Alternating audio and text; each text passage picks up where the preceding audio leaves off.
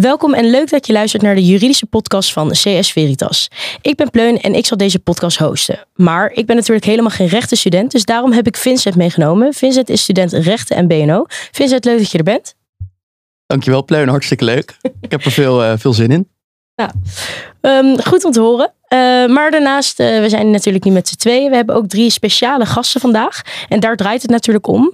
Uh, zij zullen jullie, de luisteraars, een idee geven van hoe een stage is en hoe het is om te werken bij een advocatenkantoor. Um, en hoe dat er allemaal uitziet. Als eerste wil ik even kort Elisabeth van Houthof welkom heten, Akien van CMS en Dries van Lean Lawyers. En jullie krijgen zo meteen de gelegenheid om jullie ook kort even voor te stellen. Um, Hiervoor hadden we wat leuks bedacht. Uh, jullie mogen zelf even vertellen wie jullie zijn, waar jullie werken en hoe uh, het kantoor er een beetje uitzien, wat voor kantoor het is. Um, maar er zijn drie verboden woorden die jullie niet mogen gebruiken dus, uh, tijdens de omschrijving van jullie advocatenkantoor. En de drie verboden woorden zijn wintersport, laagdrempelig en open deurenbeleid. Uh, Elisabeth, wil jij het spits afbijten? Uiteraard. Nou, mijn naam is Elisabeth van Meijveld. Ik werk dus bij Houthof. Um, ik werk eigenlijk vast op de locatie in Rotterdam, maar ik werk ook soms in Amsterdam en natuurlijk soms thuis. Um, ik werk op de sectie Corporate M&A als kandidaat notaris. Dus ik ben geen advocaat, maar ik werk wel op de sectie Corporate M&A als kandidaat notaris. Dus, dus we werken heel goed samen met de advocaten, maar ik ben geen advocaat. Um, uh, Houthof is een, uh, een groot Nederlands kantoor. Dat is uh, natuurlijk op de Zuidas zijn er veel verschillende soorten kantoren. Maar dit is een van, van, origine een Nederlands kantoor met wel Nederlandse vestigingen in het buitenland. Zoals in Brussel en New York, Londen. Um, en in Nederland dus Rotterdam en Amsterdam. Dat is in het kort. Perfect. Geen verboden woord gebruikt. Heel goed. Akien, kan ik jou het woord geven? Ja, ik ben Akien Aslan. Ik werk als advocaat bij CMS op de secties Commercial en Corporate Litigation. Um, ik werk al sinds meer dan een jaar. Ik kom uit Nijmegen. Ik ben een geboren en getogen Nijmegen. Daar ben ik heel erg trots op. dat is te horen. Uh, dus uh, ja, dat is zeker te horen. En um, ja, uh, de CMS is een heel groot kantoor. Internationaal. Heeft meer dan 70 vestigingen volgens mij. Verspreid over meer dan 40 landen. Dus we werken ook heel vaak aan internationale zaken. En ik, vind, ik vind dat vooral een leuk aspect van kantoor. En uh, we hebben dus ook vaak contact met overige CMS-kantoren wereldwijd. En uh, dat maakt het werk voor mij wel interessant en nog leuker dan dat het eigenlijk al is. Oké, okay, mooi. Ja. Goed om te horen. En als laatste Dries van Lean Lawyers. Uh, ja, ik ben Dries Beljon, uh, oprichter, uh, we noemen dat dan co-founder van, van Lean Lawyers. En een kantoor wat, wat anders is dan de wat grotere kantoren. We zijn het vijf jaar geleden begonnen, Paul en ik. we zijn rij, en vrij snel gegroeid van, van twee naar vijftien mensen. Uh, en we doen het een tikkeltje anders. Uh, ik zag uh, in, in de voorbereiding komt er natuurlijk misschien wel het idee naar voren toe van een lokaal kantoor. Um, we zijn lokaal, maar goed, Amsterdam is ook lokaal en Rotterdam is ook lokaal. onze klanten zitten door de hele wereld, maar ook door heel Nederland. Um, en we doen eigenlijk alles wel een tikkeltje anders, zou je kunnen zeggen. Dus daar zijn meer we... erover later. Ja, daar zijn we heel benieuwd naar. Uh, nou, goed om even een beetje een beeld te krijgen. Um, even kijken. Laten we beginnen inderdaad wat uh, Dries net ook al aansnijden als onderwerp. Uh, het Zuidoost-kantoor, wat Elisabeth ook al noemde. En waar CMS natuurlijk ook zit. tegenover de lokale kantoren. Is dat een onterechte term? Het is een onterechte term, ja. Kan je dat toelichten?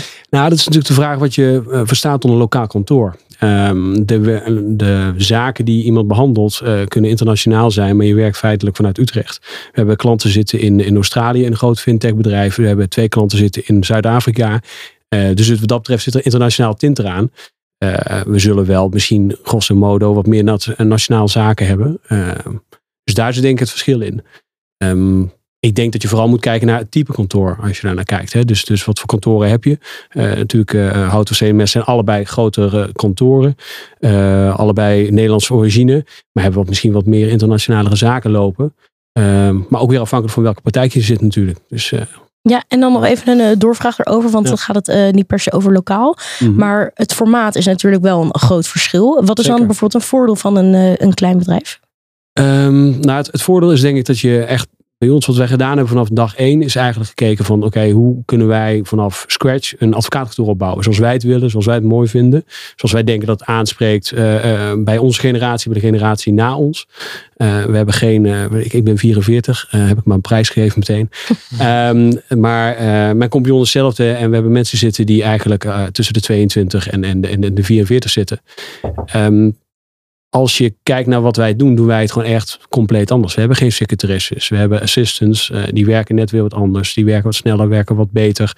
Uh, we hebben ja, gewoon echt een heel ander type zaken. Dus ook niet te vergelijken, denk ik, met een, een, een standaard kantoor. Uh, wat standaard ontslagzaakjes doet of iets dergelijks. En dat bedoel ik niet denigrerend, maar een heel erg traditioneel lokaal kantoor. Daar zit toch echt wel wat anders in. Ja, en wat is dan het voordeel dat jullie dus met een paar mensen werken in plaats van zo massaal? Geen hiërarchie. Eigenlijk een heel basic. En het, dat, dat zal ook anders gevoeld worden als je echt op een kantoor zit. Uh, maar wij hebben. Uh, uh, ik zal het verboden woord open deurenbeleid zal ik niet gebruiken. um, maar even in de basic gaat het er wel om. Weet je, bij ons is het, het is zo ja, plat. En, en niet meteen heel erg plat, maar af en toe wel. Maar in basic zo'n platte organisatie. dat er echt geen schoon is bij wie dan ook. Om op welk moment dan ook bij ons binnen te stappen. Of om ideeën aan te dragen. Of mee te denken over waar we heen gaan met kantoor. Ja. Dus, ja. Oké, nou een, een, goed beeld alvast uh, ja, van uh, jullie kantoor. Uh, dan wil ik graag het woord even geven aan Akin. want jullie zitten wel op een, een Zuidas kantoor, om het even zo te noemen. Wil je daar iets meer over vertellen en hoe dat dan heel erg anders is dan zoals Lean Loris net heeft verteld? Of Dries van Lean Loris heeft verteld? ik wil eerst Dries bedanken. Ik denk dat dat wel een goede opsomming was van wat hij eigenlijk zegt. En ja, Wanneer ik zeg maar naar CMS kijk, dan zie ik dat het dus een groot kantoor is. En dat is bij Houthof ook het geval. En ik denk dat dat vooral te maken heeft met de internationale presence van die kantoren. Dus we werken misschien wat nauwer met ook internationale kantoren uit onze buurlanden. En uh, meer dat soort zaken. Maar ik denk als je naar de kern kijkt, dan komt het eigenlijk neer op wat elke advocaat eigenlijk doet. Het hangt af gewoon van de sectie waarop je werkt, wat je doet. Maar ook, je moet ook op een sectieniveau, dus op wat kleiner niveau gaan kijken van hoe zit het nou in elkaar. Uh, ik denk dat er zeker wel een hiërarchie zit uh, in een bij een grote kantoor, omdat de stap misschien naar boven wat uh, minder snel is gemaakt dan in een lokaal kantoor. Maar dat hangt natuurlijk ook af van de sectie. ik werk op een sectie waar het heel ik wil het verboden woord ook niet gebruiken, maar laagdrempelig zou ik willen zeggen eigenlijk. Maar ga ik niet doen. Uh, maar ik kan over alles eigenlijk praten waar ik over wil praten. En uh, de partner waarvoor ik werk, die laat dat dan ook gewoon toe. En die is daar zelf heel open in. Dus uh, ik heb wel echt het idee dat ook mijn stem geldt binnen CMS. Ja. En dat waardeer ik. En ik vind dat ook mooi om te zien, omdat je dan in een groot kantoor werkt, op een groot kantoor werkt, in een groot team. Maar dat jij als individu wel je stem kan laten gelden. Ja. Dus uh, ik, zal, ik zou CMS zo willen omschrijven. Nou, mooi. Mooie omschrijving. En uh, even door op die hiërarchie, Elisabeth. Uh, hoe ervaar jij dat dan op Ja, ik denk dat uh, ik heb eerder bij een ander kantoor gezeten, toevallig CMS. Maar uh, ik moet wel zeggen dat ik, uh, denk ik, voordat ik, of toen ik nog studeerde, denk ik wel dat ik een beeld had over de Zuid als dat er meer zo'n hiërarchie was. En vond ik dat best wel spannend. En had ik mezelf misschien ook helemaal niet op de Zuidas zien rondlopen, omdat ik mezelf toch ja, ik wil gewoon mezelf kunnen blijven. En ik, ik, ik dacht altijd wel wat meer dat ik in een bepaald keurslijf zou moeten gaan zitten op het moment dat ik bij, uh, bij een Zuiderskantoor uh, aan, aan de slag zou gaan. En ik denk ook wel dat de eerste twee jaar dat ik uh, dan werkte op de Zuidas, dat ik dat ook wel wat meer heb gedaan. Wel een bepaalde soort kledingstijl waarvan ik dacht dat het verwacht werd. En na een tijdje heb ik dat uh, heel erg losgelaten. En werden ook altijd wel grapjes over gemaakt dat ik de helft van de tijd in mijn sportlegging naar kantoor kwam. Niet met cliënten natuurlijk. Maar uh, ik denk wel dat die hiërarchie, dat ik die wel, dat ik, dat ik die van buitenaf meer dacht dat die er was dan dat die er eigenlijk is als je dus daadwerkelijk rondloopt. En ik denk ook, kijk, wij werken dan inderdaad veel met internationale zusterkantoren en van die bevriende kantoren. En uh, dat zijn denk ik de dingen die het wel anders maken bij een Zuids kantoor. Dat ik denk, zeker als starter, dat je wel wat meer mogelijkheden hebt, voornamelijk als je die internationale aspiratie überhaupt hebt. Dat, hebben natuurlijk ook, dat hoef je natuurlijk ook niet leuk te vinden om dat de hele tijd te doen. Want er zitten ook heel veel nadelen aan met tijdzones. Je bent altijd ook wel gewoon uh, wel vaak het haasje als je met, uh, met zowel een Amerikanen als een Aziatisch land aan de andere kant zit. Dan wordt er gewoon van je verwacht dat je wel wat meer uren draait, alleen maar door die tijdzones. Maar een voordeel daarvan is bijvoorbeeld, ik ga deze zomer vier maanden naar New York om daar op ons kantoor te zitten. Ja, dat zijn natuurlijk wel voor veel jonge mensen hele leuke dingen. Die misschien bij een ander kantoor wat lastiger zijn om te organiseren. Nu, dit ligt er al. Je kan daar gewoon instappen. Je hoeft dat minder zelf heel veel je best voor te doen om iets uh, uit te vinden als het al gewoon uh, intern bestaat. Zo, zulke mogelijkheden. Dus ja. Jij plukt de voordelen. Zeker, zeker. Ja. Goed om te horen. Ja. We hebben namelijk een, uh, een, paar stellingen, ook even voor de luisteraar, opgesteld. Ze zullen een beetje afwisselend zijn met af en toe een dilemma tussendoor of een andere vraag. maar we gaan nu de eerste stellingen aansnijden. en dat is: een studentstage is representatief voor het werk van een advocaat of notaris. Is er iemand die als eerste daar iets over wil zeggen? Ja, ik, ik, ik zou zeggen dat het van de ene kant representatief is om, nou laten we los van corona, om de sfeer te proeven. Dat is denk ik heel erg belangrijk. Om dus bijvoorbeeld te ervaren hoe het is om op een kantoor te werken. Hoe erg is de hiërarchie nou? Uh, maar wat wel lastig is bij een studentstage is natuurlijk dat je uh, soms nog helemaal geen ervaring hebt. Uh, dat je in principe voor een korte tijd er zit. Dus het is zaken lopen vaak meer dan, wat is het, acht of acht weken of twee maanden. Dus in dat opzicht is het soms wel eens lastig. En denk ik dus dat je als student stagiair meer uitzoekklusjes krijgt dan dat je gelukkig, moet ik zeggen, in het echte werkende leven krijgt. Dus dat is denk ik wel een groot verschil tussen studentstage lopen en uiteindelijk werken. Is dat het percentage uitzoekklusjes of ondersteunende werkzaamheden gelukkig als je werkt wel heel anders ligt. En dan, dan heb je veel meer correspondentie met cliënten. En dat heb je als student stagiair eigenlijk bijna niet. Dus dat zou ik wel als een groot verschil zien. Ja, en ik zie Akin heel erg hard meeknikken. Herken je uh, dit? Ik herken het eigenlijk niet. Oh, oké. Dus dat is wel gek. Um, ik, ik herken zo eigenlijk wel een deel van wat jij zegt natuurlijk.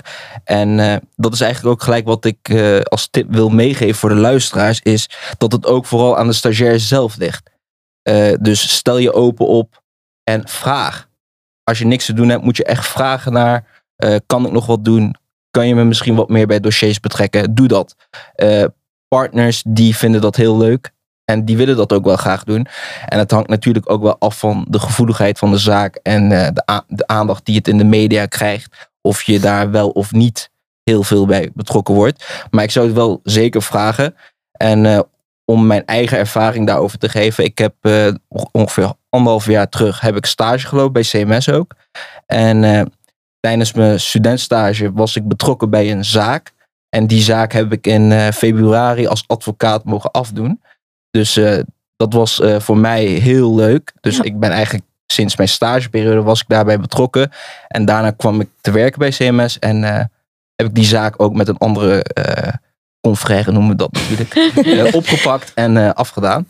Dus maar had je dan als student stagiair ook al contact met cliënten? Dat lijkt me toch wel het verschil. Op het moment dat je als advocaat binnenstapte, zit je er net wel dichter op dan tijdens je studentenstage, neem ik aan. Nee, dat is zeker zo. Je, je hebt geen direct contact met uh, cliënten. Maar wat ik wel kreeg is bijvoorbeeld een mail. Die werd dan naar mij doorgestuurd. En wil je hier een concept opschrijven? En uh, ja, dat, dat soort dingen kreeg je dan wel. Maar directe contact, dat is echt uh, niet uh, bestemd voor de stagiair. Dat kan ik wel nou, bevestigen. Het verschilt misschien wel een beetje. Hè? Kijk, uiteindelijk is het ermee uh, waar het bij ons zit, zeg maar, waardoor laten ze misschien dan iets wat sneller vergelijken is, omdat je binnen kantoor van ons sneller die verantwoordelijkheid wel krijgt. Dan zal het niet gaan over dat je zelf die processtukken gaat voordragen en dergelijke en die besprekingen zelf doet.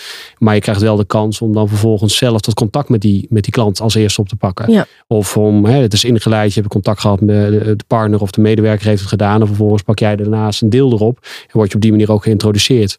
Het is een beetje net afhankelijk. Het is wel nog steeds blijft een groot deel misschien wel uitzoekklussen. Maar het is klopt wat jij ook zegt.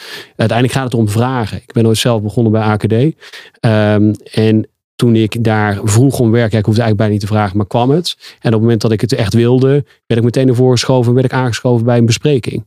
Dus het is zeg maar vooral je, de manier waarop je zelf opstelt, trekt het. En sommige secties, sommige partners laten toe en sommige niet. Zoals ik jullie alle drie eigenlijk goed ja. begrijp, dan bestempelen jullie eigenlijk heel erg die proactieve houding van de student. Ja, ja. Zeker, zeker. Ja. Nee, daar win je uiteindelijk ook gewoon de, de mensen mee. Dat zullen jullie ook. Je hebt per CMS stage gelopen. Ik heb bij AKD, ik ben bij AKD begonnen. Uh, ik weet niet waar jij stage hebt gelopen. Bij het gerechtshof. Bij het gerechtshof, Ja, oké. nou. ja. Maar wat je, wat je wel ziet is heel snel die, die doorgroei. Op het moment dat je opvalt en omdat je het, omdat je het leuk vindt en enthousiast bent, dan val je op. Dat is denk ik echt het echt een, belangrijkste. eh, dat enthousiasme. Dat, zeg maar, je hebt wel eens student-stagiaires die dan bijvoorbeeld al bij een ander kantoor hebben stage gelopen of bijvoorbeeld iets anders gedaan. En dan heb, heb- merk je wel eens dat ze het gevoel hebben dat ze bijvoorbeeld dingen al weten. Terwijl elk kantoor werkt gewoon heel erg anders. Maar van die studenten die echt overal voor openstaan, enthousiast zijn. Al gaat het echt om de kleinste dingen. Bijvoorbeeld een conceptmail opst- opstellen. Ik begrijp heel goed dat dat heel leuk is. Eh, en dan als je ziet dat een, een student-stagiair voor het eerst daarmee in aanraking komt en dat leuk vindt en daar heel erg in gedreven is en vragen durft te stellen. En dus niet in een kamertje gaat zitten, uit, uitvogelen, maar daarmee in overleg gaat. En je ziet gewoon, ja, ik was zelf ook altijd super enthousiast over echt de kleinste dingen. Want alles is, vond ik leuk. Als je het maar voor de eerste keer doet, zijn alle kleine dingen leuk. Dus dat is wel, het enthousiasme is heel aanstekelijk. En dan kan je, zeg maar, als je al wat langer zit, kan je echt kijken naar zo'n studentjaar van wat leuk. Dat, dat, we, dat je je eigen enthousiasme kan overbrengen op zijn studentenjaar. En dat zorgt er zeker voor dat je ook ja, beter naar zo'n student kijkt. En daarmee meer in gesprek kan gaan over de toekomst, denk ik. Ja, dat is een belangrijke tip. Neem initiatief. Ik Ja. denk dat dat sowieso ook wat jullie zeggen over de leer- leergierigheid en het eh, hard willen werken, sowieso al binnen de cultuur waar we het over hebben, heel erg belangrijk is. Eh, maar dan nu nog even een vraag over eh, de stage zelf. Wat is dan, eh, want Dries noemde net al dat het voordeel misschien is bij een kleiner kantoor dat je makkelijker contact kan maken met de cliënt of met bepaalde zaken. En eh, dat heb je misschien minder snel dan bij Houthof, waar je het net over had. Eh, maar ehm, wat is dan bijvoorbeeld een voordeel om dan bij eh Houthof stage te lopen? Want jullie zeggen dat je wel meer in de onderzoek aan de onderzoekskant zit. Ja, ik denk gewoon dat het inderdaad bij ons wat minder vaak voorkomt dat je zo dicht op het vuur zal zitten. Eh, eh, ook omdat de zaken dus zo lang duren. En ja, ik zie, ik zie dat gewoon niet zo snel gebeuren. Misschien zijn er secties waar het wel gebeurt binnen Houthof. Dat zou ik niet kunnen zeggen. Maar wat bijvoorbeeld het voordeel lijkt, is dat je eh, met 25 studenten tegelijk zit. En daarmee dus dingen worden georganiseerd voor. Eh, van rowcyclen met, met z'n allen tot borrels, tot speciaal. Dat lijkt mij, dat lijkt mij een voordeel. Eh, en dat het gewoon heel erg leuk is. Ik kan me voorstellen als je bijvoorbeeld e- met twee stagiaires op de afdeling zit, dat het leuk is om andere stagiaires van andere afdelingen te zien en daar nou contact mee te hebben, wat ook wordt gefaciliteerd namens zo'n kantoor.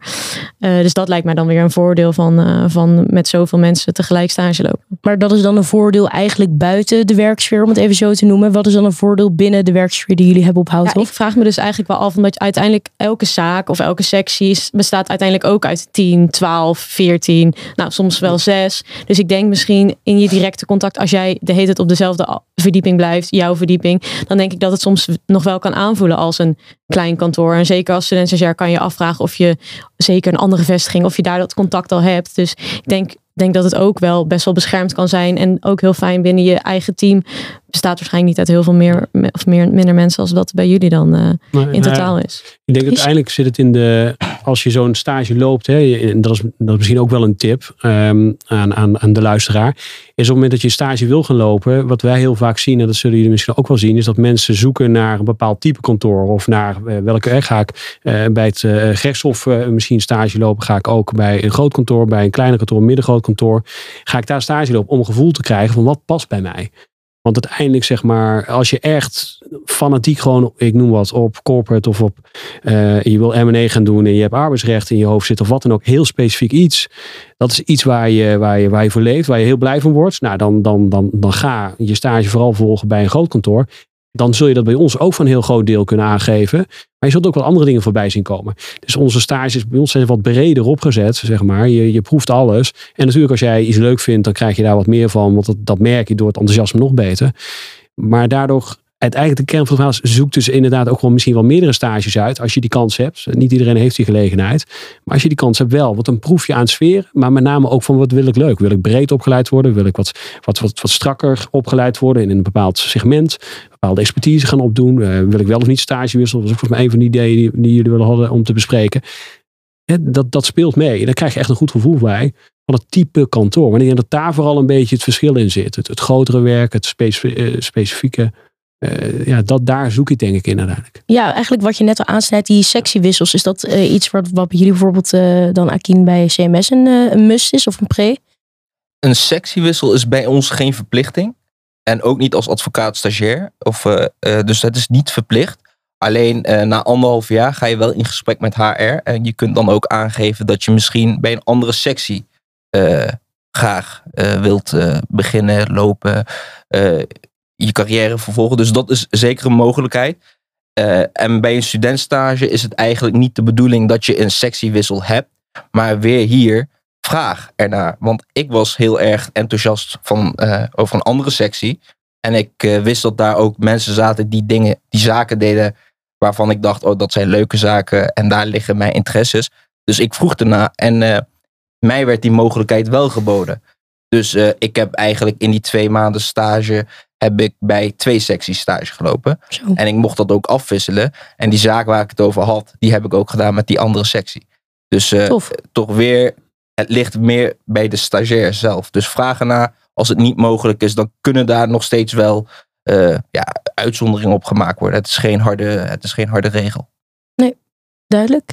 En eh, dan misschien al nog belangrijker, eh, eh, ook voor de stagiairs. Wat is voor jullie het grootste voordeel van een stagiair? Want als ik het heel even plat zeg, is het niet ook gewoon een goedkope werkkracht? Of wat halen jullie eruit uit als bedrijf? Oh, kijk je mij nou aan? Ik ben benieuwd. Ja, ik kijk iedereen even aan. Ik ben benieuwd hoe, eh, wat de reacties hierop zijn. Ja, nee, ik zou dat niet, eh, niet, niet zo zien. Want er wordt ook van iemand die daadwerkelijk werkt, wordt iets heel anders verwacht dan een, van een student-stagiair. Ik zie het ook altijd heel erg van, kijk, het is natuurlijk heel fijn als er dingen gedaan worden in een student-stagiair waar je op, zelf, op dat moment geen tijd voor hebt. En je wil graag dat, dat, dat die iemand dat oppakt. Maar ik zou nooit een student-stagiair echt onder mijn druk laten werken dat die een deadline heeft waar ik aan ga. Dus je hebt veel meer de vrijheid. Ik vind Kijk, een snuffelstage zou ik het nooit noemen, want het is ook acht weken. Dat is lang zat of twee maanden. Maar uh, het gaat er wel ook heel erg om dat, dat je dus inderdaad de mogelijkheid geeft aan een stagiair om te kijken of dit bij je past. Maar ik, ik zou diegene nooit zo erg laten meedraaien dat, dat het dingen zijn die per se gedaan moeten worden en ik dan maar door een stagiair laat, uh, laat oplossen. Dus ik probeer juist te kijken van wat zijn nou hele leuke dingen die geef je aan een stagiair. Uh, wat zijn dingen die ja, soms wat minder leuk zijn, maar wel passend zijn. Het is, het is meer, veel meer, vind ik zelf, wat jij ook aangaf vanuit wat, uh, wat een studentstagiair graag uit een stage wil halen. Daar probeer je een passende stage voor te, voor te bedenken. Maar nee, een goedkope werkkracht is het zeker niet. Nee, als ik zo hoor, is het belang dus echt de ervaring ook van de student, zodat hij een goed beeld kan krijgen en dat de werkdruk niet te hoog wordt. Zeker. Zodat dat, ja, uh, nee, er wordt ook echt bij, bij, bij alle kantoren gewoon echt duidelijk aangegeven. Een kwartiertje overwerken is niet erg, maar er wordt echt nooit van een studentstagiair verwacht dat ze buiten normale werkuren werken. Dat is gewoon niet. Dan moeten ze lekker naar de borrel. En, uh... nee, en, en, uiteindelijk gaat het ook niet. Hè? Want het werk wat je wat wij willen, zeg maar, wat je wil zien als, als, als uh, ervaren medewerker of als partner, wil je zien dat iemand die ook advocaat stagiair is of geworden bij jou, die moet zelf het werk doen. Hè? Die moet zelf die boeken induiken, die moet zelf dat gevoel hebben. En natuurlijk zeggen wij, wel kun je dat eens uitzoeken of kun je daar eens zoeken, maar dat is nooit maatgevend. Dus dat, daar haal je niet. Het kost ook vaak gewoon wel tijd om iemand te begeleiden, wat super leuk is, omdat je wat je zegt enthousiasme ziet en iemand leert ervan. Uh, en ja, het kan wel zo zijn dat je dus ziet, dat proeft aan iemand en dan denk van nou, hier, hier zit potentie in. Uh, die past heel erg binnen het team. Uh, is het niet eens een keer tijd dat we eens gaan praten over de toekomst? Of wanneer ben je? Dus, ja, is voor jullie bijna een soort scout functie. Je zou kunnen zeggen scouting. Dan zou je dan volgens moeten vragen wat is dan gebeurd de afgelopen vijf jaar. Waarin wij mensen hebben aangenomen eruit in, die, in die rol. Uh, dat zijn er niet zoveel. Nee. alhoewel de eerste twee medewerkers die wij hadden zijn wel voortgekomen uit een studentstage die ze gelopen hebben bij het oude kantoor ik en mijn compagnon begonnen zijn. Okay, of vandaan ja. kwamen eigenlijk. Dus die hebben eigenlijk daar gescout zou je kunnen zeggen. Hm. Uh, en vervolgens toen we de deur uit waren, een appje gestuurd van uh, joh, vind je het niet leuk om naar Utrecht te komen? Kijk, ja, zo kan het dus wel gaan. Dus Ja. is toch een goede tip ook nog voor uh, de luisteraars. En je zal denk ik toch wel zien, ook zeker bij CMS en bij jou weet ik dat wat Ja. minder, maar dat van de beginnende advocaat-stagiaires heeft eh, misschien wel 70 of 80 procent, Ja. ik noem maar een eh, getal, maar zeker meer dan de helft heeft stage of een werkstudentschap gelopen bij het kantoor waar ze uiteindelijk beginnen. Dus Of misschien nog wel een studentstage gelopen bij een ander kantoor, wat, wat een beetje vergelijkbaar is, waardoor ze die goede keuze hebben gemaakt. precies. Dus de, de- die is, hij is bijna een soort van essentieel als je kijkt op je, op je, op je bucketlist voor eh, wat wil ik nog gaan doen en eh, wil ik echt een goede keuze maken. Dan komen we bij het volgende onderwerp aan. Dat gaat over de work-life balance. Ik denk een heel, heel belangrijk onderwerp. Ook zeker binnen onze generatie. Ehm, daar hebben we ook een, eh, een stelling bij. Een work-life balance is essentieel voor het leveren van goede prestaties op de juridi- juridische werkvloer. En mijn kantoor hecht hier veel waarde aan. Eh Hakim, wil jij er iets over zeggen? Wat is jouw, neem je die stelling aan? Of eh, hoe kijk je ik ernaar? zou hem wel willen aannemen, maar ik denk niet dat het per se essentieel is. Want eh, mijn work-life balance laat soms, laat soms wel wat te wensen over. Eerlijk gezegd. Maar ik denk wel dat het uitermate belangrijk is om dat vooral tijdens die coronaperiode, om dat eigenlijk goed in de smiezen te hebben. Want als je thuis werkt, dan heb je eigenlijk niet meer een duidelijke grens tussen wat nou werk is en wat nu privé is. Dus dan is het misschien, je denkt in de middag, oh, ik kan het nog misschien in de avond doen. En dat, die, die stap wordt dus makkelijker gemaakt door thuiswerken. Dus je moet daar wel goed rekening mee houden. En ik denk dat wij als kantoor, dat, dat daar wel veel uh, waarde aan gehecht wordt. Uh, we hadden trainingen gekregen om dat veel beter op het oog te hebben en uh, om daar goed rekening mee te houden. Dus ik zou zeggen dat ik het met die stelling eens ben. Oké, okay. goed antwoord. Um, hoe kijken jullie daarnaar, Elisabeth? Ja, je moet natuurlijk eigenlijk wel zeggen dat je het eens bent. Want het is, ja, het is raar om te zeggen dat je liever geen work-life balance hebt. Maar ik denk wel dat het hoort dat bij het soort werk dat er je ook gewoon bepaalde uren wat meer maakt dan bij misschien andere banen. Maar dat wil niet zeggen dat bijvoorbeeld nu, ik zit nu deze afgelopen weken toevallig in uh, hele heftige weken door de uren die ik maak. Maar het is wel zo dat de partner voor wie ik werk daar wel over heeft en me dan dus wel probeert te kijken na de closings die ik nu aan het draaien ben. Waar zit dan de ruimte dat ik even een, een stapje terugneem? Dus daar wordt wel beter naar gekeken. En wat ik wel zelf heel erg heb ervaren is dat zeg maar in je eerste drie jaar in je stage vond ik wel het veel lastiger om uh, work-life balance uh, te hanteren. Omdat je dan toch wat minder uh, je eigen agenda nog kan bepalen. Je werkt altijd onder iemand en die bepaalt ook wel deels jouw agenda. Nu ik meer jaren aan het werk ben, merk ik wel dat ik het zelf heel fijn vind dat ik ook wel beter dat kan afstemmen en veel meer de verantwoordelijkheid, nog meer, ik vind dat je al snel verantwoordelijkheid hebt, maar het zijn gewoon mijn eigen dossiers. Ik kan daar zelf veel beter een inschattingen maken wat, wat nu moet en die prioriteiten kan je naarmate je gewoon wat langer bezig bent veel beter in, ja, inschatten eigenlijk. Dus ja, uh, dat, dat merk ik gewoon heel erg. Dat dat, ik heb zeg maar, ik maak meer uren dan dat ik deed toen ik stagiair was. Maar ik heb meer rust. Omdat ik voor mijn gevoel steeds zelf de keuze heb. Wat natuurlijk niet zo is, maar zo voelt het wel. maar het is toch ook een beetje zo dat het erbij hoort. Zeker als je op een kantoor zit op de Zuidas. Het is natuurlijk geen geheim dat iedereen daar overuren maakt. Ja.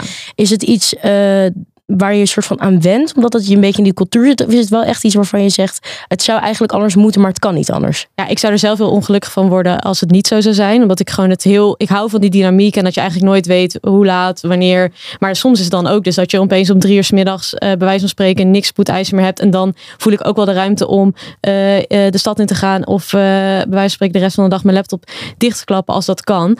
Het hoort er zeker bij. Hoe ik het zelf altijd als student in ieder geval heb ervaren is ik had gewoon zoiets van, je bent 3,5 jaar, soms vier jaar advocaat stagiair, kandidaat notaris stagiair. En ik vind het zelf, uh, gezien de grootte van de zaken en dus al de mogelijkheden die je hebt op zulke kantoren, dacht ik gewoon, laat ik gewoon beginnen op zo'n groot kantoor. Wat is nou 3,5 jaar? Nou ja, als je echt doodongelukkig bent, is 3,5 jaar heel lang. Snap ik ook wel.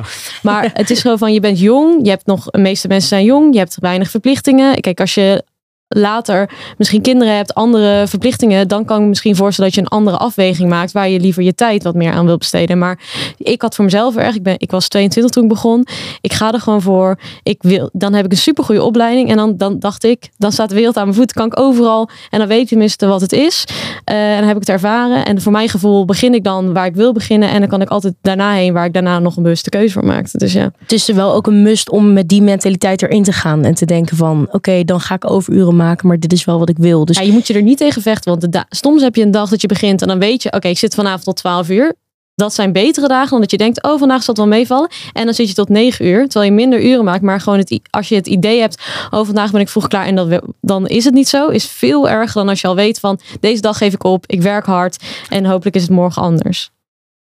Wil je wat zeggen? Adries? Ja.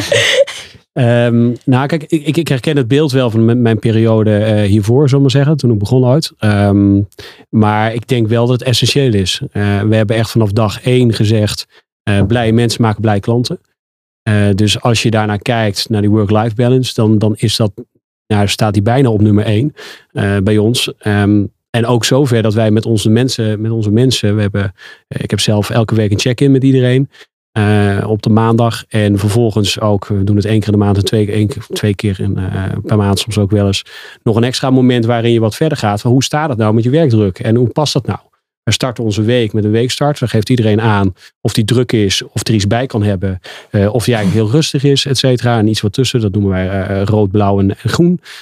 of je dat bent. Ehm, om te proeven waar iemand staat. En natuurlijk zijn er ook echt momenten bij dat wij vragen en dat, dat, dat de klant vraagt. Uh, werk even door en kan dit alsjeblieft af. Ehm, maar op het moment dat iedereen bij ons eigenlijk continu in het rood aan het draaien is, als wij drie weken achter elkaar iemand rood zien staan, uh, letterlijk op een bord, um, ja, dan, dan gaat het niet goed. Dus dan grijpen wij als, als partners grijpen wij in. Uh, omdat wij uiteindelijk willen dat die stap voor stap, zeg maar, iemand aan het einde van het verhaal ook nog blij wordt. Dus ik snap, ik snap de gedachte, en die had ik zelf ook. Hè, van je investeert sowieso, je investeert drie, vier jaar van je leven. En je wil heel graag misschien medewerker worden. En je maakt die stap en dat, dat, hè, dan, daar staat er tegenover. Ik heb ontzettend veel voor teruggekregen ook destijds. Ik kan niet anders zeggen. Uh, maar er is ook iets een tussenweg in, zo gezegd. Want we hebben, uh, je hebt ook die interessante uh, klanten. Je hebt die, die in, misschien niet zoveel internationale zaken als jullie hebben. of een andere praktijk. Maar de druk hoeft niet altijd even hoog te zijn. Dus je moet een soort balans tussen vinden. Uh, tussen heel hard werken en wat jij ook wel een beetje beschrijft. Jij voelt nu die vrijheid, maar eigenlijk moet je, vind ik, meteen voelen. Uh, op het moment dat jij eens een keer een avond door hebt getrokken tot 9 of 10 uur, of tot 12, dan de volgende dag kom je of wel later of je gaat wel eerder stoppen. Want anders zit, loopt het scheef. Want dan zie ik gewoon iemand met een chagrijnig gezicht lopen de volgende dag. Ja, je houdt het maar een paar weken vol. is ook mijn persoonlijke ervaring. Dus ja, het, het, het, ik denk wel dat het essentieel moet zijn en dat het ergens bovenaan je, in je lijstje moet zitten. Ja, dus uh, het is een soort van balans. Maar het is anders. Weet je, dat is gewoon anders. ook keuzes maken. Er zijn ook lokale kantoren, om even het begrip te pakken. Uh, waarvan ik ook weet dat ze gewoon uren normen hebben en druk hebben staan. Uh, van heb ik jou daar. We hebben geen urennorm. Klinkt heel erg makkelijk, maar dat hebben we niet. Dat is grappig, want ik zou dus zonder urennorm. Kijk, ik ben, ja. ben niet anders gewend. Mm. Maar die urennorm, sommige mensen vinden het heel vervelend tijd schrijven, ja. urennormen. Maar dat is voor mij een super lekker houvast. Want als ik dus bijvoorbeeld om vijf uur zie welke uur ik heb geschreven, dan geeft dat mij veel meer rust. Ik denk, nou, nu kan ik. Het geeft een hartstikke lekker gevoel. Ja. Hè? Even heel simpel. Wij zeggen dat ook wel eens. Ik schrijf nou, want dat is lastig. Hè? Als je zegt we hebben geen urennorm, dan ga je naar een situatie toe waarin eigenlijk mensen denken: oh, het maakt niet uit of ik schrijf of niet schrijf. Nee, wacht even. De klanten vragen ons om dingen te doen. Daar krijgen wij voor betaald doordat ze onze uren betalen. Dus het is soort wel, er zit wel een modelletje aan vast. Anders kunnen we de rekening niet betalen. Um, maar uh, dan gaat het soort van vervagen eigenlijk misschien wel. Want je schrijft misschien wel te weinig. Maar je beloont jezelf feitelijk ook doordat je ziet aan het einde van de dag. Goh, ik ben heel effectief. Ik ben heel goed bezig geweest. Ik heb echt waarde toegevoegd. Dat zie je een stukje ook in de uren. En het voelt ook lekker uh, als je dat gewoon kunt, kunt aftekenen. Dus je schrijft je uren wel. Uh, maar om een keiharde urennorm, ja, daar doen wij niet aan. Want daar zijn wij wel verantwoordelijk voor. Hè? Dus, dus, en, maar het, het gaat wel om een balans. En uiteindelijk, als je de balans vindt pas na drie jaar of zo, dat is denk ik wel wat te laat. Het is heel goed om te zien wat jij beschrijft. Op een gegeven moment merk je zelf dat je jezelf meer vrij gaat geven. Dat is eigenlijk wat je beschrijft. Ja, en ik denk, maar ik denk wel dat door corona heeft het wel voor gezorgd dat, denk ik, nu op alle lagen wel wat meer ja, dit, ja. vrijheid is. En dat is natuurlijk heel fijn, ja. denk ik. Omdat het gewoon zo belangrijk is dat mensen die veel meer gingen wandelen tijdens lunch. Ja, dat zijn wel dingen die heel goed zijn. Als je op kantoor zit, doe je dat misschien wat minder makkelijk. Maar uh, ja, nu doet iedereen dat. Dat is wel fijn. Al, uh, al bellend wandelen. Precies. over de hei. Ja. En uh, onze luisteraars zijn natuurlijk van de, een beetje de generatie uh, prestatiemaatschappij. En uh, de druk wordt volgens mij flink opgevoerd. En ook uit recent onderzoek blijkt dat 81% wel echt tegen serieuze psychische klachten aanloopt. Dat zijn wel de volgende, dat is wel de volgende generatie die, die jullie arbeidsmarkt gaat betreden. Akin, jij hebt nog, nog niet heel veel hierover gezegd, dus ik wil jou daar even in het woord geven. Hoe kijk jij daarnaar of hoe zou CMS daar meer verantwoordelijkheid in kunnen nemen of maatregelen in kunnen toevoegen? Ik denk dat ondersteuning het belangrijkste hierbij is. Uh, want uh, zoals al gezegd is, het is gewoon topsport. Je moet presteren en je moet gewoon die uren draaien. Want cliënten verwachten van je dat jij er staat voor ze. En ook uh, gezien al die technologische ontwikkelingen ben je eigenlijk 724 bereikbaar. Dat is wat ze verwachten eigenlijk van je. Dus ik kan het niet verdraaien. Het is gewoon topsport en je, moet, je hebt gewoon van die dagen of weken dat je meer werkt. Dus dat kan je moeilijk veranderen, denk ik. Vooral als je echt aan waardevolle zaken werkt en aan, uh, met grote cliënten werkt. Dus uh, dat is wat het is. Uh, maar ik denk vooral dat ondersteuning aan de medewerkers, aan de stagiairs, dat dat vooral belangrijk is. En, wat, wat, voor ondersteuning zou je dan zeggen? Dat is eigenlijk precies wat ook al gezegd werd. dus dat is eigenlijk, dat ligt vooral bij de partner dan weer. Dat is dus als, als, je, als je ziet dat een medewerker of een stagiair drie weken achter elkaar echt uren maken waarvan je denkt van, oh, dat is wel echt heel veel. In het rood staan, zoals Dries het ja, in het rood staat, precies. Uh, ja, dan moet je eigenlijk wel de gelegenheid krijgen als medewerker om ook even je rust te pakken. En als je een partner hebt die daar echt oog voor heeft, dan dan denk ik dat het altijd wel goed gaat komen. En hebben jullie daar een systeem voor of zo? Dat iedereen dat in de gaten houdt? Of hoe zorgen jullie voor die ondersteuning? Dat dat eh, echt per sectie eh, eh, afwisselt. Alleen eh, ik kan van mijn sectie waar ik op werk, kan ik wel zeggen dat, eh, dat we wel oog hebben voor elkaar. En dat we ook wel vragen van hoe gaat het met je? Hoe is het met je? En als je echt veel werkt, dan, dan krijg je ook wel de gelegenheid om even een dagje ertussen uit te gaan. Of om even in de middag even een wandeling van twee uur, drie uur te doen. Dat is, dat is niet een, een probleem. Oké, dus er is daar wel ruimte voor. Dus er is Ja. veel oog voor elkaar. Dat is eigenlijk wat Kien zegt. En wat zijn er voor eh, ja, maatregelen, om het even zo te noemen, die Hout of eventueel kan toepassen om eh, te voorkomen dat iedereen straks eh, overwerkt eh, thuis zit? Ja, wij hebben ook zo'n eh, wekelijkse call met het, eh, met het hele M&A. eh, dat, dan hebben we het echt over 50, 60 eh, man. Dus dat is natuurlijk minder makkelijk om dan echt, eh, ga je niet aan groep eh, een beetje zeggen dat, dat je er doorheen zit. Maar daar wordt wel in ieder geval ook voor mensen die bijvoorbeeld eventjes, ja, er zijn ook wel eens mensen die tussen wel een schip vallen met zaken. Dus die juist dan wel kunnen, goed, dat is meer een moment om aan te geven dat je wat werk erbij zou kunnen hebben. Eh, en dan met ons zeg maar eigen team, dat zijn dus ongeveer met eh, tien, hebben we dus ook zo'n wekelijkse call. En da daar proberen we dan inderdaad goed op elkaar te letten. Kijken wie waar eh, overstroomt. En dat is wel denk ik meer gekomen door, door corona. Dat het echt zo'n wekelijks moment is. Omdat het toen, ja, dan is makkelijker toen iedereen nog geheel thuis werkt om elkaar kwijt te raken. Maar dat zal er wel in blijven.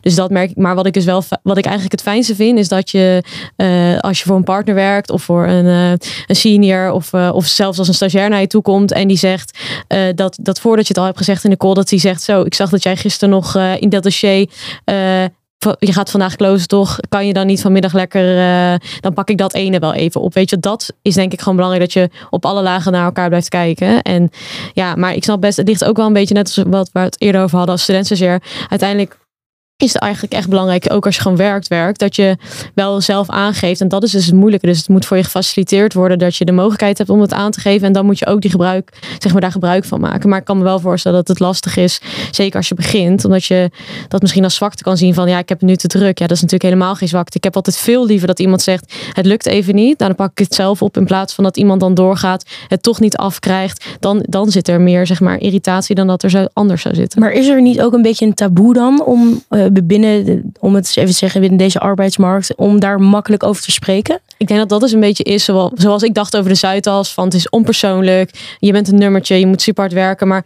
uiteindelijk in de praktijk werkt dat denk ik niet zo. Want je, ik zit de hele tijd met eh, tien mensen. Daar, daar besteed je superveel uren van. Je gaat het ook over persoonlijk. Je raakt persoonlijk met elkaar betrokken. Dus je raakt ook persoonlijk begaan met hoe het gaat met iemand. Dus nee, ja, ik denk dat dat, dat taboe valt echt wel mee. Oké, nou goed om te horen. En ik denk dat dat luisteraars het ook heel fijn vinden om eh, te horen dat het niet zo is. Dus dat, dat eh, vooroordeel kan eh, Ja. weggestreept worden. We willen nu even overgaan op een net wat ander onderwerp. Dus dat is student en recruitment. Ehm, en we hadden daar ook gelijk een stelling bij. En dat is, cv is belangrijker dan cijfers als student. Hoe kijken jullie daarnaar? Oeh. Ehm, ja. CV is belangrijker. CV is belangrijk, zeg je. Ja, een, een goede basis qua cijfers is, is, is echt, echt wel fijn, laten we het maar zo zeggen. Want dat laat zien dat je de inhoud eh, in wil. Eh, maar of je overal een straight A student moet zijn, zou ik zeggen, nee, dat is niet zo belangrijk. Het gaat erom dat je ziet in, in je cijferlijst ook en je vakken die je gevolgd hebt, wat je echt leuk vindt en waar je enthousiast van wordt. Daar zie je ook meestal de betere cijfers in. Ehm, maar als je kijkt naar cv, is het gewoon heel prettig als je iemand hebt die net wat meer levenservaring heeft. Of die wat andere dingen heeft gedaan. Dus gewoon de buitenschoolse activiteit, om het maar even zo te noemen.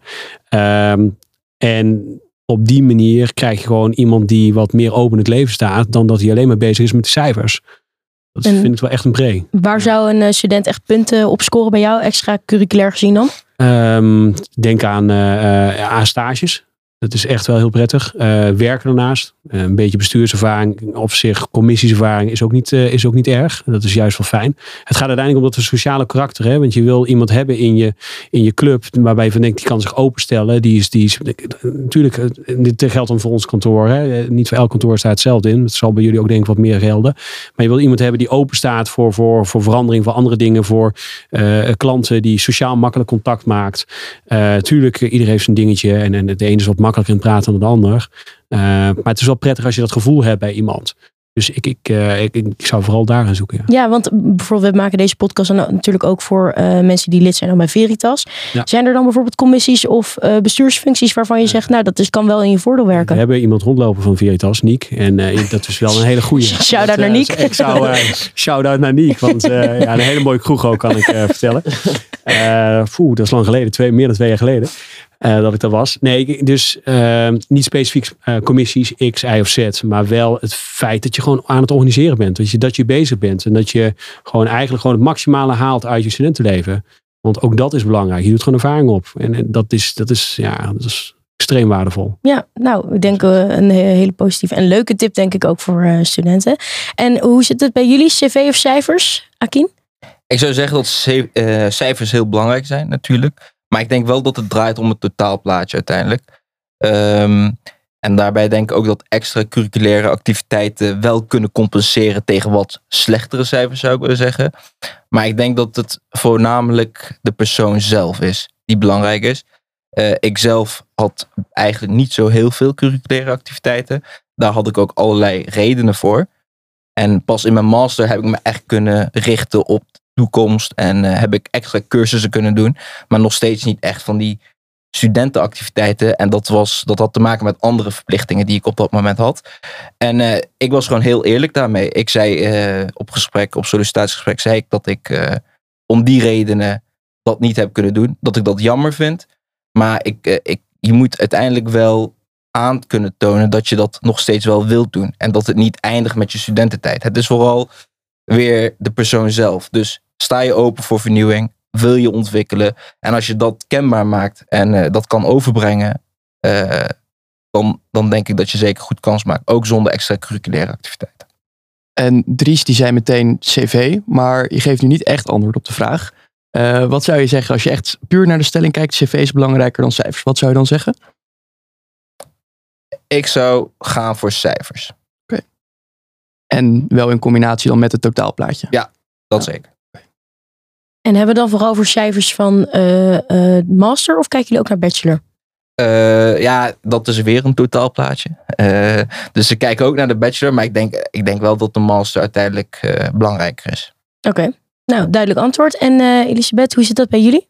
Ja, ik denk inderdaad je bachelor. Ja, iedereen. Ik ben ook echt alle kanten opgevlogen. Mijn bachelor van privaatrecht tot een minor criminologie tot nou uiteindelijk uh, notarieel recht. Dus ik heb echt alles gedaan. Ik denk wel dat tegenwoordig veel mensen heel erg gefocust zijn op, op cv. Zeg maar van de ene kant misschien activiteiten, maar ook, weet je wel, een tweede master is echt geen uitzondering meer. Uh, en dat was denk ik tien jaar geleden veel meer uitzondering dan nu. Dus zeg maar van een tweede master zou ik zelf, als ik een cv moet beoordelen, helemaal niet zo uh, erg opkijken. Ik heb liever uh, één hele goede master dan twee. Ik was zelf eerst ook aan het twijfelen.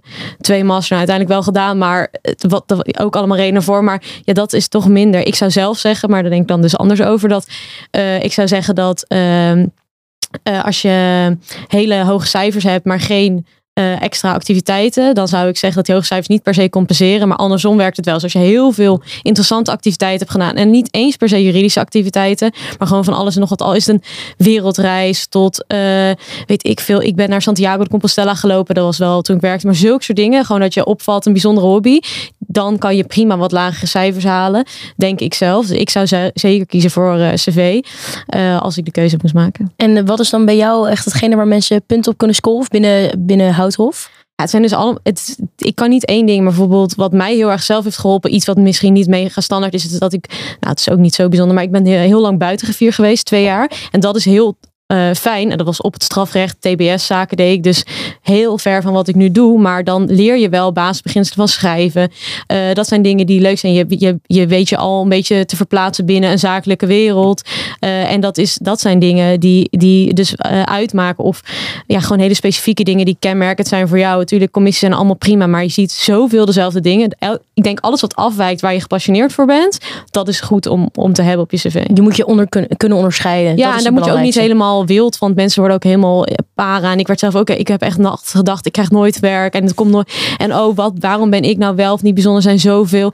Dus je moet ook, je moet ook gewoon doen waar je zelf leuk vindt. En iedereen heeft wel iets wat, wat hij leuk vindt, dus het komt heus wel goed, denk ik altijd. Je moet niet dingen voor je cv gaan doen uh, tegen je zin tegen in. je zin in. Precies, ja. bedoel ik. Ja. Want ik denk dat dat wel heel erg heerst bij uh, rechtsstudenten.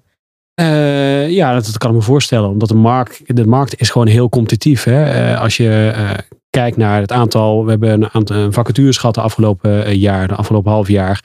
twee, één meer senior en junior. Ja, het aantal aanmeldingen voor de vacatures die wij kregen voor de junioren, voor advocaat 50, misschien wel 60. Nou, dat is vergelijkbaar met groot kantorenwerk, om het even zo te zeggen.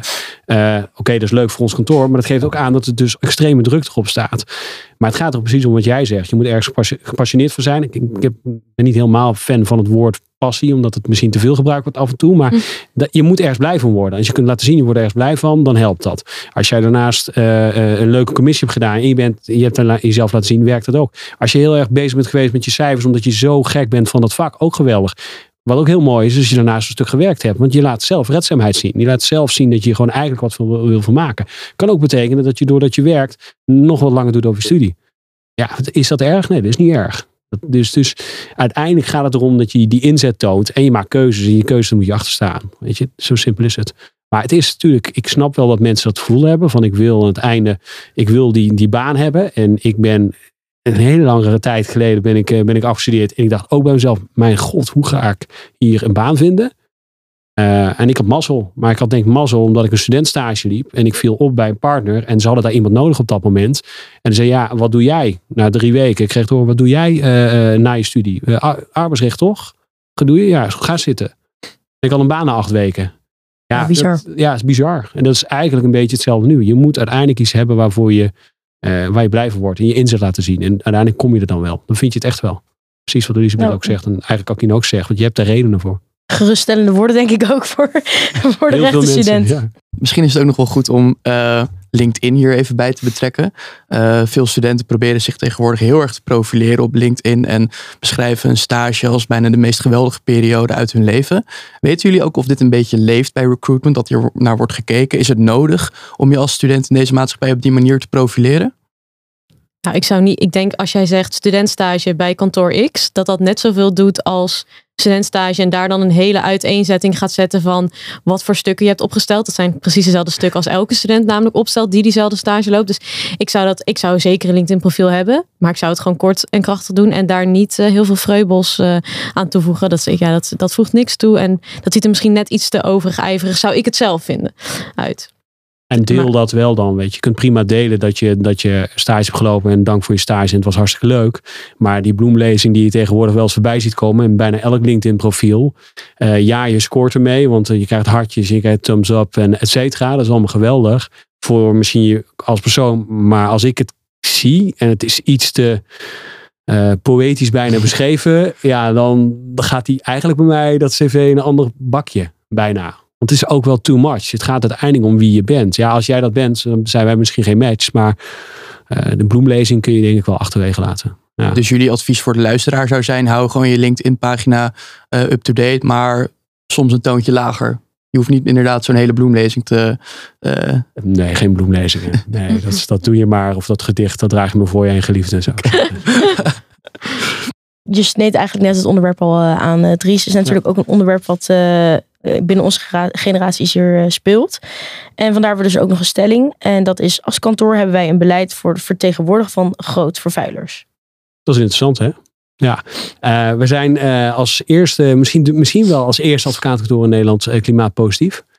Ehm, en dat betekent eigenlijk heel simpelweg dat wij kort meten, uh, meten wat wij uitstoten. We proberen dat te reduceren. Daar hebben we een agenda voor bepaald dat gereduceerd moet worden. Uh, met percentage X, Y en Z naar beneden toe. En anderzijds compenseren wij het vervolgens nog eens een keer met 10% extra minimaal. Ehm, dus ja, we hebben daar echt een duidelijk beleid op hoe we ermee omgaan. Het is wel een hele lastige discussie, kun je worden. Ik, ik, had het met een klant van ons recent over. wat een extreem groen bedrijf is, durf ik wel te zeggen.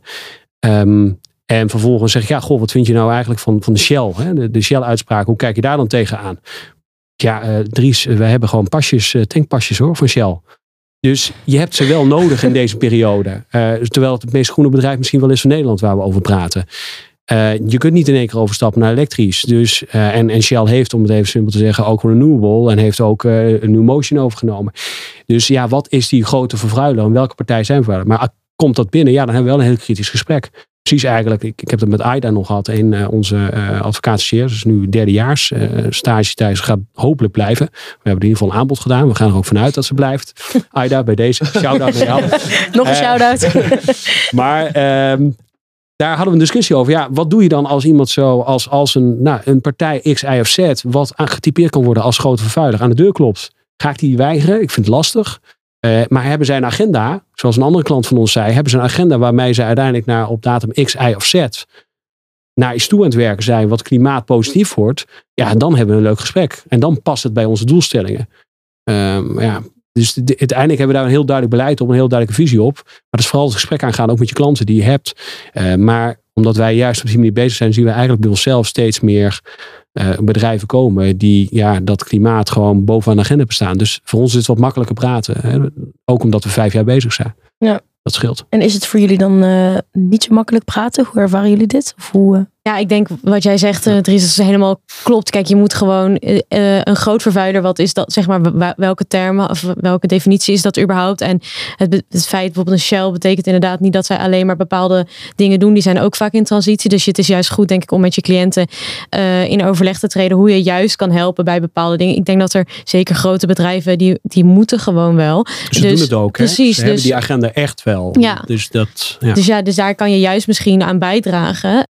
Maar is dan een klimaatagenda, want het, dat Dries, jij noemt dat net, is dat dan voldoende? Is dat dan een go goede belofte? Want ik, ik heb wel vaker klimaatakkoorden gezien die niet. Uh, nee, maar als we alleen al kijken naar het, ons klimaatakkoord, is dat dan niet helemaal gelopen volgens uh, de agenda die ze hadden? Afgelopen jaar ging het best goed, hè? Ja, maar is dat dan. Maar corona zeiden ze. Is, maar is het dan, is dat dus voor jou voldoende om, om daar vast te houden en dan met wel iemand Nee. niet in zee te gaan?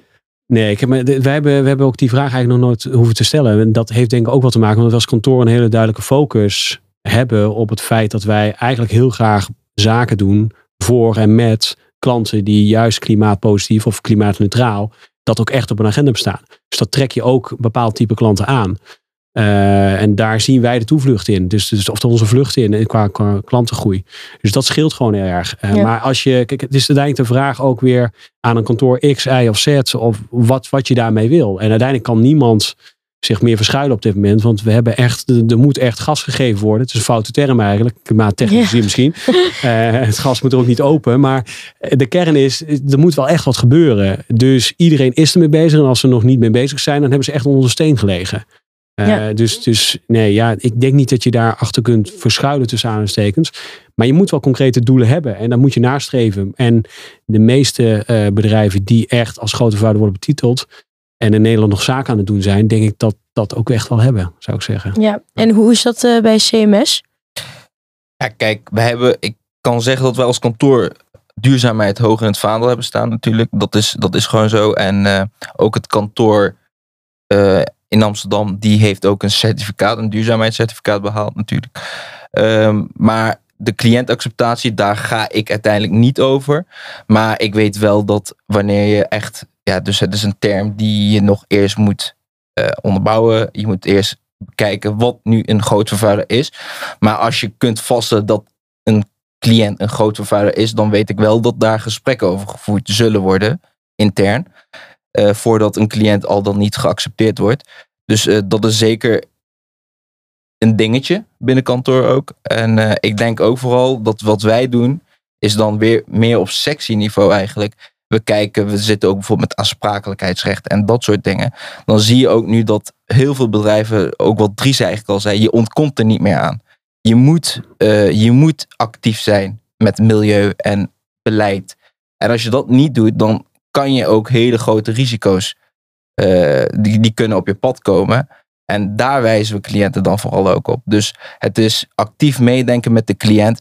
Als je al een cliënt hebt en je denkt van, je ziet, ik zeg maar wat, je, je geeft een advies uit over iets heel anders, maar je ziet, oh, daar zit nog wel ruimte voor ontwikkeling, dan benaderen we de cliënt ook actief. En dan zeggen van, luister, je, denk ook aan dit.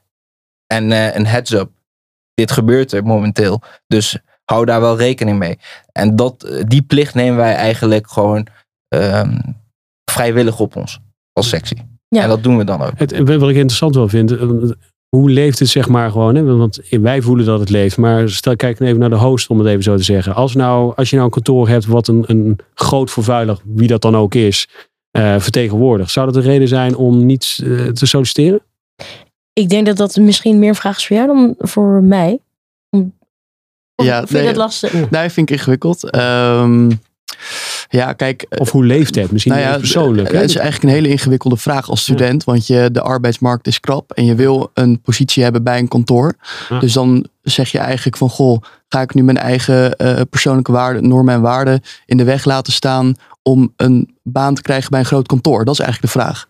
Um, ik denk als je niet per se ja, integere advocaat, maar ook een integer persoon, denk ik misschien dat er wel veel studenten zullen zijn uh, die die uh, normen en waarden leidend vinden. Uh, dat denk ik. Ja. ja, en wat ik ook wel veel zie, uh, is dat mensen, of eigenlijk in onze generatie, de hele tijd voor dat soort dilemma's komen te staan. Ja. Van kan ik het naar mezelf verantwoorden om inderdaad in zee te gaan met een bedrijf dat misschien niet voor de normen en waarden staat waar ik eigenlijk wel voor wil staan. En dat begint steeds meer te leven. Dus ook bijvoorbeeld zoiets simpels als vliegschaamte. Je wil graag uh, je reizen maken als student en je dingen doen en de wereld zien. En misschien uh, uh, in het buitenland ook aan je cv werken of dat soort dingen. Maar is dat dan in strijd met de normen en waarden die je dan hebt tegenover het milieu? En ik denk dat dat de manier is waarop het leeft binnen onze generatie, is dat ze constant dit soort dilemma's maken. hebben en die afweging Ja, maken. ja. En ik denk dat de, de, de grotere milieuvrienden, om het zo even te noemen, er dan misschien eerder nu in deze generatie voor kiezen om dan het niet te doen. Dat ze het zich niet zichzelf in de spiegel kunnen aankijken. Uh, maar dat er nog steeds heel veel studenten zijn die dat misschien wel overwegen, omdat het gewoon een heel moeilijk dilemma is. Is ook een moeilijk dilemma. ja, want je cv is ook heel belangrijk. Ja, nou ja, en daarnaast wil je ook keuzes maken. En we weten ook met z'n allen dat het gewoon ook nodig is. En dus het is bijna een moral dilemma die niet te beslissen is. Dus, uh, en als je helemaal, stel dat je inderdaad een leuke reis wil maken. Je wil een citytrip maken naar Barcelona. Ga 18 uur in de trein zitten of 20 uur. En dan pas ben je er. Terwijl je een anderhalf uur kunt vliegen. Dus ja, En hoe zou jij dat vinden als werkgever? Dat een advocaat van jou zegt: Ik werk eigenlijk liever niet aan deze zaak vanwege. dat vind ik, zou ik een lastige vinden. ja, Ja, zou ik, zou ik, tuurlijk zou ik het lastig vinden. Nou hebben wij de afweging denk ik wel gemaakt van tevoren al. Dat we gedacht hebben, wat doen we hiermee? Eh, nemen we wel iemand aan als, een- of in partij X of aan als een klant, eh, ja of nee? Ehm, maar kijk, iemand uiteindelijk, als jij, als jij die keuze bewust maakt, dan is dat een keuze die ik eigenlijk van tevoren al ken. Hè? Dus, dus, dus ik weet van jou dat je wel of niet voor partij X, Y of Z wil werken. Of wat, jou, wat jouw beweegredenen zijn. Daarom neem ik je aan als, als werkgever. Daarom, daarom weet je, het, het gaat om de persoon. Het gaat niet om je cijfers. Het gaat niet om je cv. Het gaat om de persoon uiteindelijk die het gevormd heeft. Dus dan weet ik dat eigenlijk al. Dus ga ik jou, ga misschien het gesprek aan. Als het misschien even belangrijk is. Of, en ik kan je misschien overtuigen. eh, van het feit dat ze misschien bijvoorbeeld. Ik, we hebben geen Shell als klant. eh, die zitten misschien bij jullie. Eh, of in ieder geval bij de brouw weet ik. Maar ehm, ja, links of rechts, op het moment dat Shell bezig is met renew- renewable, renewable, dan ga je uiteindelijk misschien wel kiezen om daarvoor wat te doen. Past trouwens echt veel meer bij ons. Dus ja, ik denk niet dat wij snel dit dilemma gaan krijgen. Maar het ligt bij jou als, als, als, als, als persoon. Dus je Ja, moet bij jezelf blijven. En als student denk ik dus, Ja. stel dat je bepaalde namen linkt aan bepaalde kantoren, denk ik dus dat het niet zo zwart-wit is. Omdat je Nee. Een, een, Shell, wat blijkbaar het voorbeeld is geworden nu. Ja, blijkbaar. Eh, sorry, ik heb niks met Shell. zo niet bedoeld. maar die hebben inderdaad, zoals jij al zegt, heel veel facetten. Dus je kan je, je, ja, het is denk ik moeilijk. Ik denk dat het ook moeilijk is voor studenten als jij dus ziet dat een, een, eh, een kantoor een bepaalde cliënt bijstaat. Het is denk ik moeilijk om eh, als student te bepalen. Ja, daar kom je eigenlijk gewoon niet achter. Je mag al bijna niet praten of eigenlijk gewoon niet over de cliënten die je bijstaat. Laat staan over de zaken die je doet.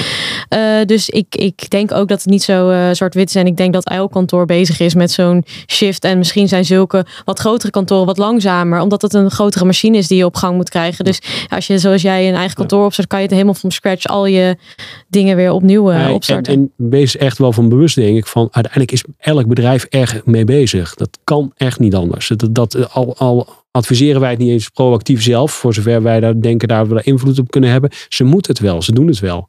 Dus er is echt, dan, ja, dan moet je echt onder die steen vandaan komen. En dan heb je ook geen gezellige klant, weet je. Dus dat, dat wordt, wordt hem niet, denk ik. Ja, en als ik daarop mag inhaken, ik denk ook vooral, eh, je moet het ook een beetje relativeren. Kijk naar 20 jaar terug. Toen hadden we het helemaal niet over milieu. En het is nu, is het echt een aandachtspunt, aandachtspunt. En je moet dan denk ik als advocaat, als je daar echt dus wat, voor, wat voor voelt, dan moet je helpen met die transitie. Dus je zou daar actiever in kunnen zijn. Je zou misschien juist meer bedrijven kunnen helpen die misschien bekend staan als milieuvervuiler, maar die echt die transitie willen maken. Zoals ook Dries zei. Ik denk dat als je daarvoor instaat, dat je dan wel uh, dat dat voor kantoor goed is. Nou, dan kun je jezelf blijven aankijken in de spiegel. Want het is eigenlijk als je arbeidsrecht doet en je doet een reorganisatie, ja, dan kun je twee dingen denken. Het is heel erg jammer voor de mensen en dat, dat is ook zo op dat moment. Uh, maar uiteindelijk probeer je het wel te, of doe je het wel om dat bedrijf gezonder te maken. Dus op die manier, het is, met, ja, het is niet aan jezelf verkopen, maar het is gewoon echt, je doet het met een doel. Uiteindelijk gaat het om bedrijven beter, gezonder en daarmee ook uiteindelijk gewoon de samenleving beter en gezonder te maken. Dus het is denk ik goed om te concluderen dat dat maatschappelijk besef wel degelijk al bij de advocatenkantoren binnen is. Ik denk dat je dat zeker. wel ja, heel breed kunt zeggen. Ja, ja, zeker wel. Ja.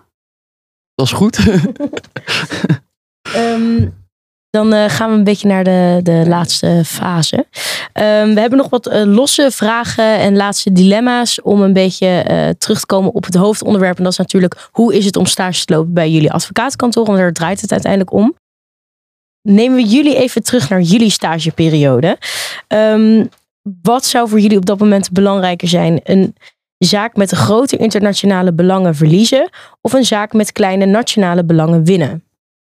Dus iemand die gelijk zegt. Mijn hekel aan verliezen.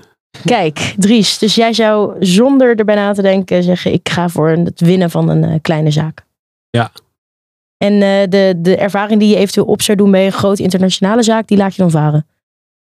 Um, ja, omdat uiteindelijk zeg maar, in die nationale zaak ook heel veel waarschijnlijk sneller de, de aspecten zitten waar je zelf wat mee kunt doen. Dus je bent waarschijnlijk dieper en sneller betrokken in die zaak, waardoor je daar ook veel sneller weer van leert.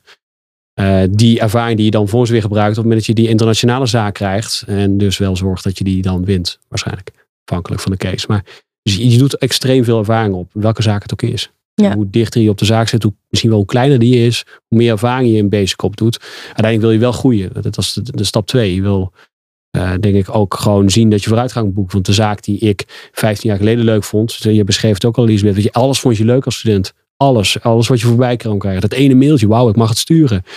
Uh, ja, dat is nu uh, is prima om te doen, maar dat is één minuut, zeg maar. Dus afhankelijk van de kleine zaken is het dus belangrijk dat je er wat van leert. Kern, ja. En dan, uh, en dan winnen. uiteindelijk, ja. en dan winnen. Is, ja. Liever wel dan niet, ja. ja.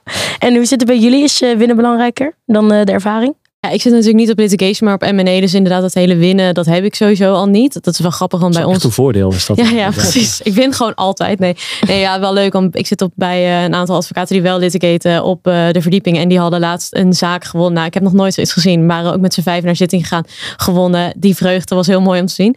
Maar ik denk, als ik dan moet kiezen, zou ik denk ik toch... Ja, ik, ik dat hele internationale in het gevoel, al ben ik inderdaad maar wel een hele kleine schakel, een heel groot internationaal uh, proces, dat heeft mij altijd getrokken. En uh, dus ik zou dan misschien, ik wil niet verliezen, maar dat verliezen vind ik dan nog minder erg. Ik, ja, ik, dat hele internationale, het grote, trekt mij denk ik dan toch meer. Dus dat je zou voor de ervaring ja. gaan. Ja, en dan verlies ik maar. Oké, okay. leuk om te horen. En uh, Akin? Ja, ik vind het ook moeilijk hoor. Ik, ik ben ook meer van het winnen.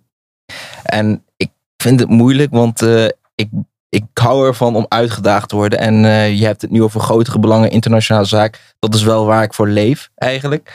En uh, als ik uh, zeg maar het dilemma zou mogen omvormen, dan zou ik zeggen: een zaak met grote internationale belangen verliezen en een hoger beroep gaan. Als het mogelijk is. Oh, om hem dan alsnog te winnen.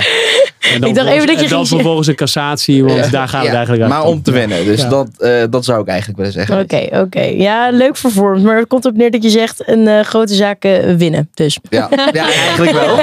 ik denk dat iedereen dat zou willen kiezen. Nee, oké. goede antwoorden. Leuk. Beetje verdeeld ook. Uh, wat wordt er georganiseerd voor nieuwe starters? En zijn er wekelijkse of maandelijkse activiteiten? Vanuit Houthof, dat is denk ik wel iets wat ik zelf dus niet heb ervaren omdat ik zijinstromer ben.